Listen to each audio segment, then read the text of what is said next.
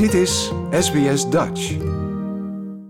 Tien jaar koning Willem-Alexander. Het was eigenlijk voor het eerst in 150 jaar, ruim 150 jaar, dat we weer een koning hadden in plaats van een koningin. Hoe bevalt jou dat, eh, Justine?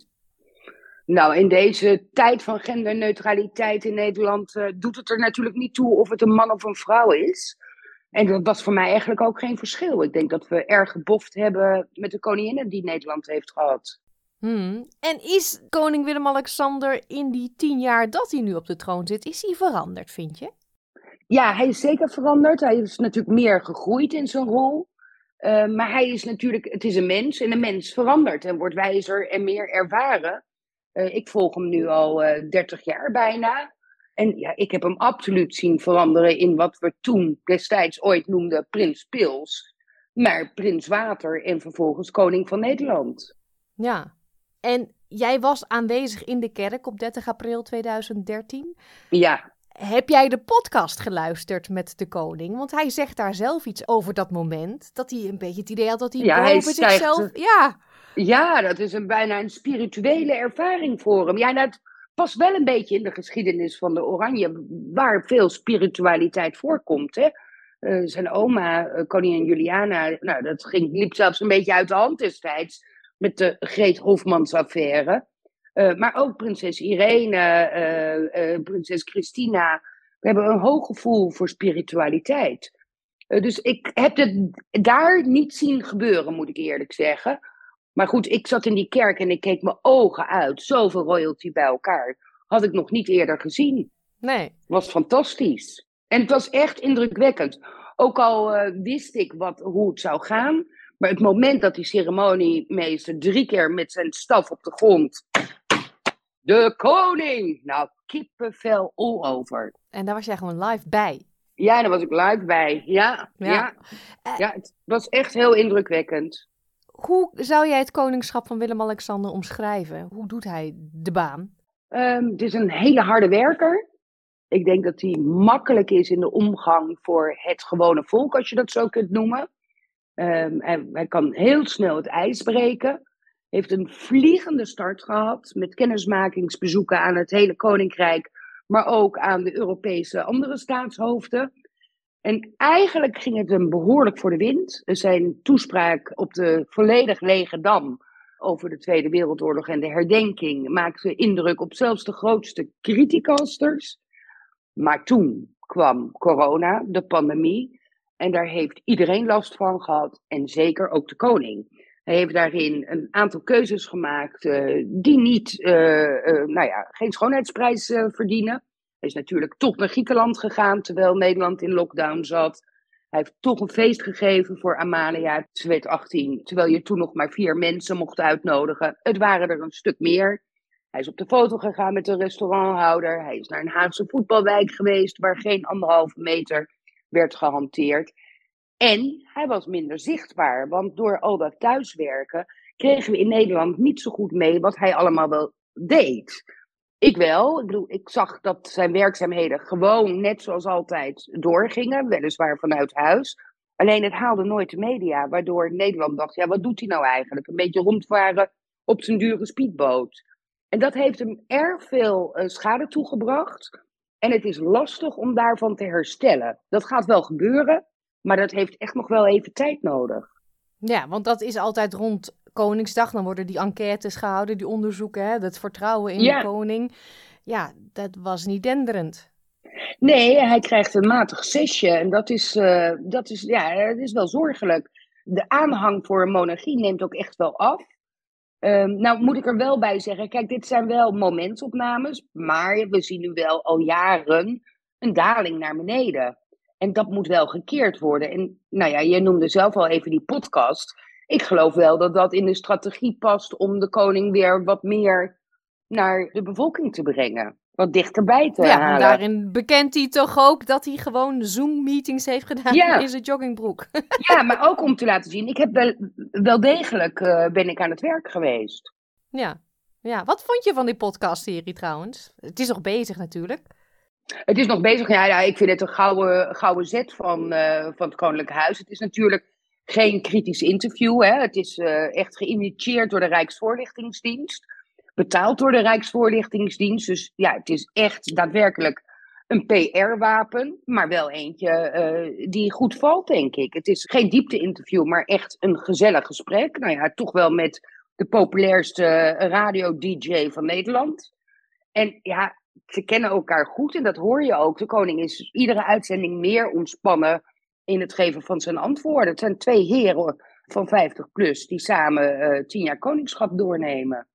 Ja, je zei net al, hè, dat dieptepunt, uh, corona, dat nemen mensen hem kwalijk, hoe die gehandeld heeft op bepaalde vlakten.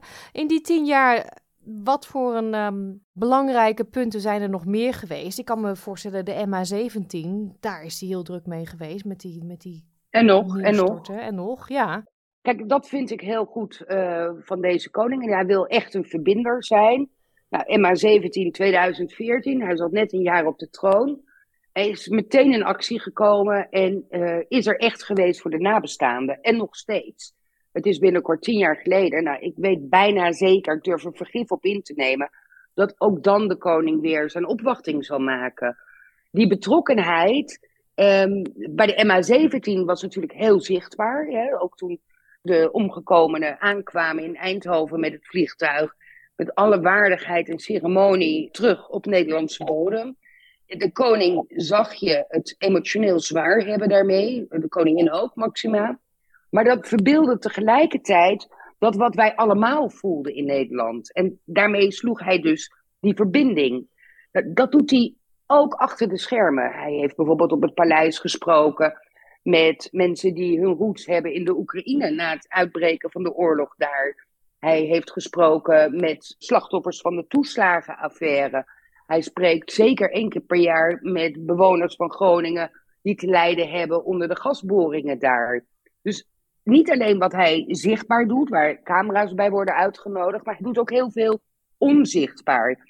En het feit dat hij daar geen camera's bij uitnodigt, vind ik jammer, want daardoor hebben we dat minder goed door. Tegelijkertijd snap ik het wel, want hij wil op die momenten echt in gesprek gaan. En het wordt meer een showtje als er camera's bij zijn. Hè? Mensen zijn zich daarvan bewust. En wordt het lastiger om echt de diepte in te gaan in een gesprek. Maar hij doet het wel degelijk.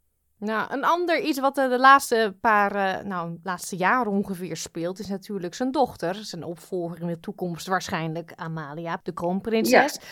Ja, die gaat door een hele lastige tijd.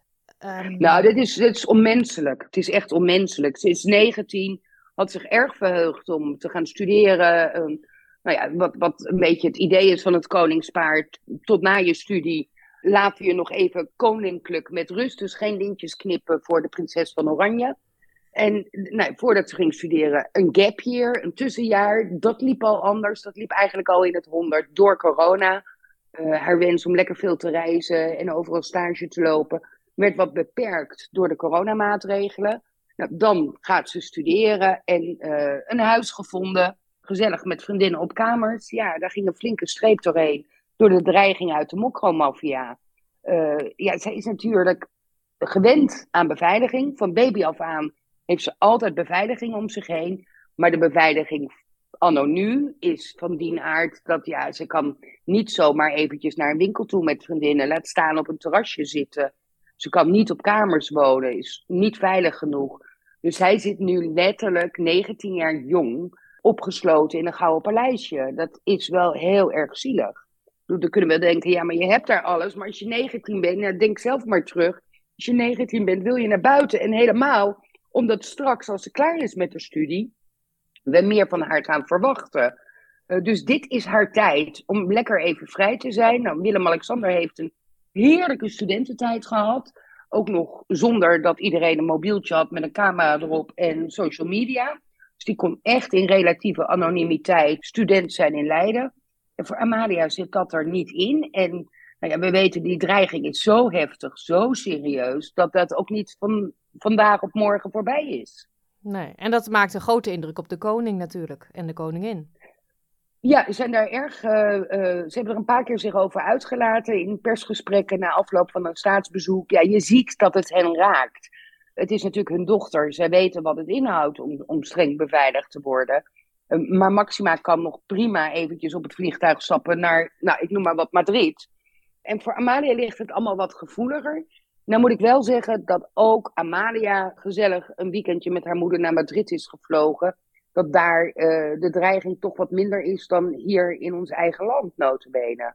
Ja, het is heel triest waar zij doorheen gaat op het moment. Laten we leuk afsluiten. Tien jaar koning Willem-Alexander. Dit jaar gaat de koninklijke familie naar Rotterdam om Koningsdag te vieren. Gaat er iets extra's gebeuren daar?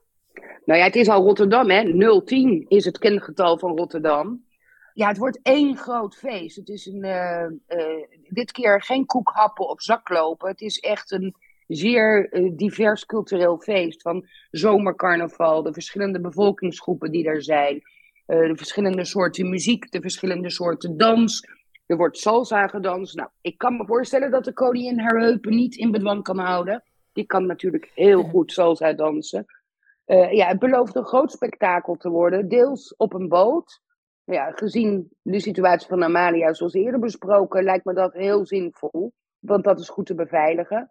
Dat is niet de reden, overigens, waarom ze voor die boot kiezen. Ze willen echt heel erg laten zien dat Rotterdam natuurlijk een havenstad is. Uh, ja, ik kijk er naar uit. Het is uh, leuk, het is echt een feest. Dat Koningsdag ik loop altijd achter de familie aan. En er wordt mij vaak gevraagd: vinden ze dat nou wel echt leuk? Ja, want het is echt leuk. Dus alleen maar positiviteit en warmte op zo'n dag langs de route. Ja, nou, hartstikke leuk om naar uit te kijken. Dankjewel, Justine Marcella. Alsjeblieft. Like, deel, geef je reactie. Volg SBS Dutch op Facebook.